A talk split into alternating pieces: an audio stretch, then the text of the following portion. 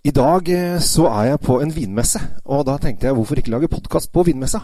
Og i dag har jeg møtt en fantastisk libaneser også. Her er det bare å følge med. Oppbevarer du vinen din riktig? Med et vinskap fra Temptec lagrer du vinen i korrekt og stabil temperatur. Se mer på temptec.no.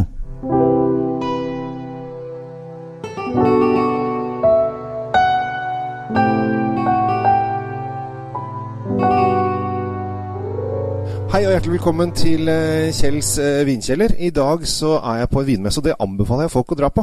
For det er en fantastisk opplevelse. På den vinmessa jeg er nå, som heter Vinetum sin vinmesse, er det vinmakere fra 11-12 land, så det er ganske mye forskjellige folk her. Eh, og jeg har fått tak i en fantastisk hyggelig type som heter Eli, som kommer fra Libanon og lager veldig god vin. Og da tenkte jeg at han kunne fortelle, seg, fortelle oss litt om den vinen jeg har tenkt å anmelde denne uken her. Men først må vi jo snakke litt med han og hilse litt på han. Ellie, welcome to Norway. Thank you. Thank you very much. You've been here a couple of times before.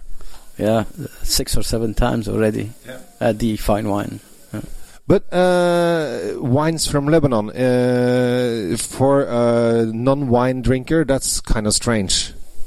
Well, it could be because uh, Lebanon uh, is a very small country, so we cannot be everywhere. But uh, the region where the Phoenicia, our ancestor, started producing wine for more than 5,000 years uh, old. So uh, a very long history of winemaking. Then, unfortunately, we were under the Ottoman occupation for 500 years, during which we've lost our autochthon grape varieties, and that is why in 1857, when the Jesuits, French Jesuits came, they reintroduced these uh, grape varieties. So most of the grapes that you find are French uh, grape varieties. Well, I think uh, most people have uh, in Norway, especially know of uh, Chateau Musar. Uh, but you are a bunch of different winemakers in in Lebanon. Yeah, there are uh, 51 uh, uh, producers in, in Lebanon. Uh, Musar was the one who um, almost left the country and went outside on export, and he opened the, the road for everyone. And we are very thankful for uh, the Hochar family who really opened the uh, the doors for the all Lebanese producers to go outside Lebanon. Uh, but uh, when people think about Lebanon, they think about more desert. It's dry, uh, but how can you produce wine in an area like that? Well, this is really funny. I've been hearing this the whole, the whole day. Uh, you know, Lebanon used to be called the Switzerland of the Orient, and why was that? Because of two reasons. One one of them is the skiing resorts, and then the uh, the high mountains that could range from uh, that's that's the uh, the vineyard 1,000 meter and goes up to uh, 2,000 meters, uh, and then we have uh, skiing resorts at 3,000 3,200 meters. so a lot of snow, a lot of mountains, and then the second reason is the banking sector which was very flourishing by that time and still still is. So this uh, this is why they used to call Lebanon uh, the Switzerland of the Orient. So so people should go skiing holidays in Lebanon now. Well, we have very nice slopes. Uh, are skied in, in Europe in the Alps. Uh, it's not as, uh, as, as as but but we have a short uh, a short uh, period of of uh, skiing, but really nice slopes from black, red, green, blue. you you choose it. So it's really really nice, and it attracts a lot of a lot of, of people around around Lebanon. But a little bit over to wine because uh, Lebanon has been a country with a lot of wars, and uh, it's is in an area with a lot of uh, wars at at the moment. How is that inflecting the wine industry? Well, we suffered a lot from, from the war that was uh, around us. I mean, a lot. Since 1975, when it uh, started, uh, the war started in, in, the region where the winery is. But even even though we never stopped producing uh, uh, uh, the ones on a very small scale, perhaps, but we never stopped producing.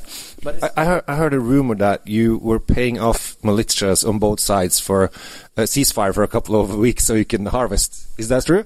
That is very that is very true. That's during the war between 75 and uh, 1990. That was very true. Just to to uh, be able to pass the uh, uh the grapes, the uh, to pass the the wines from one side to to the other. So we had to do this. Uh, we had the Syrian army, and then we have the militia. So we had to uh, to negotiate our way uh, the whole time. Believe it's not easy to produce one, and still till now. With the problem of ISIS, if ISIS would have succeeded to go into Lebanon, Yeah. Chateau Ksara, and then all the wines would not be existing. That is for sure. How far was ISIS from uh, your your your farm? Well, uh, the the vineyard that were in northern Bekaa, 17 kilometers. You, 17 kilometers. ISIS was 17 kilometers. Well, and we were really very, very afraid because everything could uh, could have happened. But thank God, they were pushed away, and, and uh, now we don't have any any threat. They are far away from from us. so now is is, is peaceful times in the Bekaa Valley.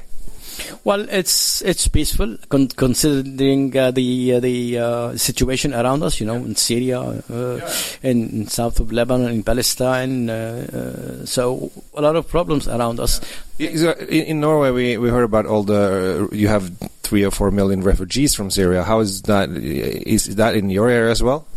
Well, in fact, it's 1.7 million uh, Syrian refugees. Uh, we are struggling. We cannot say that we are uh, because uh, uh, not on the security level, but on the economic level. So there's no more aid, or almost no more aid from the European or the U.S. Aid. So um, we are struggling to uh, to keep them. It's I think it's time for them to to end this war and then to go and everyone go to its uh, to his country. But over to uh, a, a nice story, wine. Yeah, yeah. Well, well. Uh, as I said, Lebanon has been producing wine for such a long, long period uh, from the Phoenician, and then we have the largest temple dedicated to Bacchus, uh, built by the Romans.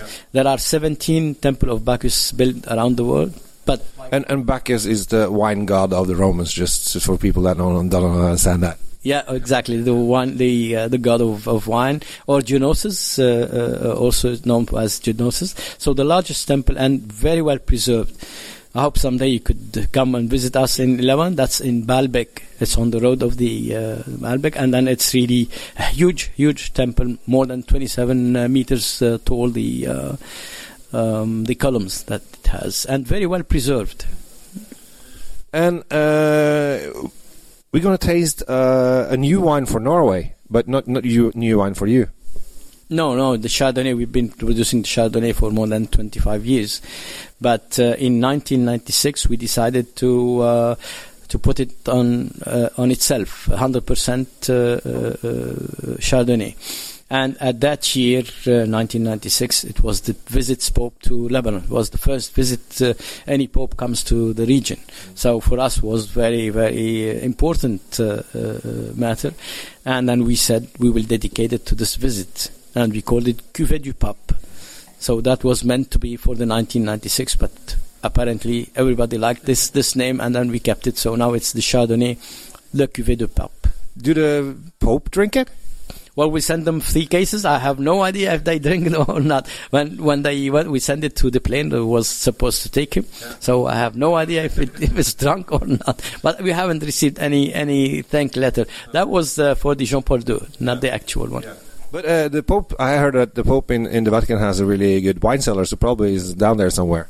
I hope so. I hope so. I hope so to, to receive someday a, a letter from from the Vatican and then with the picture of Pope. That was would be really nice. Uh, But we should uh, start tasting the wine. You can, uh, you can pour it. Uh, det er da, for dere som ikke er uh, råstive i engelsk, så er dette her pavens vin. Som var, han var på besøk uh, Eneste paven som har besøkt Libanon, det gjorde den i 1996. og Da lagde de denne chardonnayen her. Uh, og jeg smakte den i stad. Det er en nyhet i Norge. Kommer på polet Hvis du hører denne med en gang kommer den, så kommer den neste fredag. Altså første fredagen i september. Uh, and uh, what do you try to make with this wine? Well, this is uh, 100% uh, Chardonnay. Uh, it's a single vineyard at 1,400 meter of altitude, uh, north-facing uh, slope. Uh, with you know, we don't need too much sun on it, so the the nights are really cold, 12 degrees, and then during the day it could make 32, 35 degrees some sometimes. So you have a lot of difference between the day and the night. Which brings the maturity to come very slowly. It's like cooking. Instead of cooking on high fire, and then finish quickly, or cooking at very slow fire and then have all the aromas and all the uh, uh, the taste uh, of, of the wine present, and I think this is the uh, the result. The result is, is here. It's very complex wine, uh, and then it could age for a long period. We have tasted in 1996, uh, not long time ago. Still have some fruits in it, and still have some nice acidity, freshness, minerality, especially because it has a lot of schist on, on these on these slopes that gives minerality to this to this wine. Yeah, is, is uh, jeg må der òg. It's a uh, little bit buttery. Oak, of course, it is buttery. You know that that's typical to the Chardonnay. Plus, it is fermented in oak. So fermentation happens in oak, and then we keep it for eight months, during which we keep it on its lees. So what we call in French bâtonnage or, or uh, uh, lees stirring. So this gives the complexity to the wine, and gives this uh, this buttery uh, aspect uh, to to this wine. It's a very complex wine and, and uh, uh, very refreshing uh, at the same time because could be drunk uh, uh, alone or uh, we use it a lot with the with the fish, large fish in oven with salt. Oh, salt baked fish. Exactly, salt baked fish. So it really goes well well, well with it, and plus with the chicken we have some type of chicken that we cook with olives. Mm. So nice acidity in it and a nice, nice saltiness. It goes really well with uh, with this type of, uh, of food. Så en uh, litt sånn uh, smøraktig etter uh, eikefat brukt i åtte måneder som ligger på eik, som har fått litt sånn runde. Frisk, syrlig vin som jeg tror alle vil sette pris på. Og jeg kan jo da fortelle prisen nå, for det er sikkert noen som lurer på. 129 kroner. Så dette her er gøy. Og hvis du har f.eks. gjester som er litt sånn vinsnopper, så server det litt libanesisk vin. Det er så kult, fordi at da blir sånn Oi, dette var gøy. Og gjerne server det blindt, sånn at de ikke ser hva det er før, før de har uh, smakt i glasset. For da kan de av og til få seg en fin overraskelse. But uh, Ellie, thank you so much for your time. Well, thank you. Thank you for having me. It was a pleasure uh, to talk with you, and, and hopefully it will come you uh, someday in, in Lebanon and go discover the uh, the caves and the it, that has a very nice story be, behind it. It was discovered. May I have uh, just half a minute? Uh, it was discovered thanks to a uh, a fox. So the the Jesuit has the, a, a poultry, a chicken house and then one day it was attacked by this fox. And then as you know a fox could could, could attack a, a, chicken house kill 10 uh, chicken and eat only one and, and, not even uh, finish it. So it was very uh, very uh, mandatory to have to have him uh, caught or, or killed or whatever. And while uh, tracking him he disappeared between two rocks. And then the next day they opened this, these two rocks and they discovered a grotto of 2.1 kilometers with uh, 17 meters underneath the, the, the soil and then with eight uh, eight uh, issues to go exits to go out of it. That was quite uh, quite a, uh, a discovery. So they used to produce the wine, but they didn't know underneath these uh, these wine existed these uh, grotto. So during the First World War, 400 families took refuge in Ksara. And since they were French, so they have the immunity. Yeah. And the Ottoman army did not have the right to go into the, the winery. So they were fed, they were protected, yeah. but they had to work on the, on the, in the counterpart. So they changed this grotto into a, a wine cellar. And we still have one since 1918 this is history because then uh, Lebanon was on the French side and Israel was more on the British side, wasn't it? Yes, yeah. that is correct. Yeah. That is correct. Da fikk vi litt historietime her på slutten. Eh, abonner gjerne på podkasten min. Dette ble jo en veldig lang og fin en, eh, med en fryktelig hyggelig kar. Eh, sjekk ut eh, Kesara sine viner. De har veldig mye kule, og ikke minst Chardonnayen som kommer nå som nyhet på polet, som er pavens vin. Så har dere masse å teste fremover.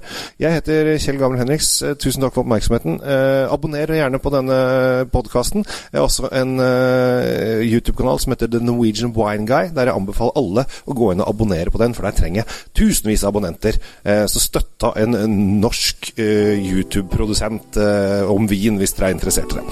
Ta vare på deg sjæl, ta vare på vennene dine, og drikk god vin. Og i dag, drikk libanesisk chardonnay. Det er kjempegodt!